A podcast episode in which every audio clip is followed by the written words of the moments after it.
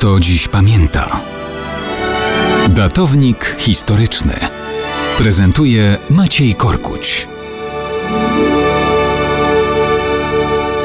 Mało kto dziś pamięta, że w weekend minęła rocznica 5 marca 1953 roku. Zaraz potem było dużo o sercach, ponieważ tego dnia o godzinie 21.50 przestało bić serce wodza ludzkości. Jak to określano w komunikatach drukowanych w czerwonych gazetach na całym świecie. Tym wodzem ludzkości był oczywiście Józef Stalin.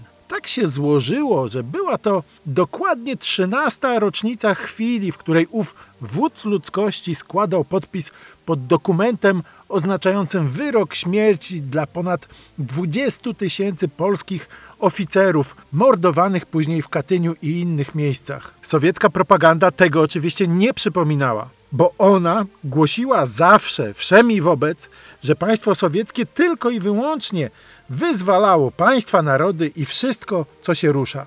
Skądinąd dokładnie na tym wzoruje się i dzisiejsza propaganda rosyjska. Wystarczy poczytać oświadczenia dzisiejszej dyplomacji moskiewskiej. Stalin miał być wodzem nieśmiertelnym, jak jego i Lenina idee.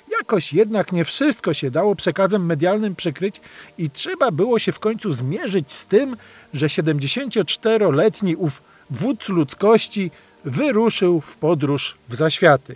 W specjalnym komunikacie Komitetu Centralnego Sowieckiej Partii i władz państwowych pisano, że, cytuję, przestało bić serce współbojownika i genialnego kontynuatora dzieła Lenina, mądrego wodza i nauczyciela partii komunistycznej i narodu sowieckiego. Skoro to serce bić przestało, troską otoczono też w tym samym komunikacie przyszłość innych serc. Pisano tak. Wieść o zgonie towarzysza Stalina wzbudzi głęboki ból w sercach robotników, kołchoźników, inteligencji i ludzi pracy naszej ojczyzny. W sercach żołnierzy naszej mężnej armii i marynarki wojennej. W sercach milionów ludzi pracy we wszystkich krajach świata. Te kardiologiczne zaklęcia mimo wszystko przypominały, że nawet najpotężniejsi i najbardziej bezwzględni władcy z kostuchą nie wygrają, bo ta sprawami sercowymi różnej maści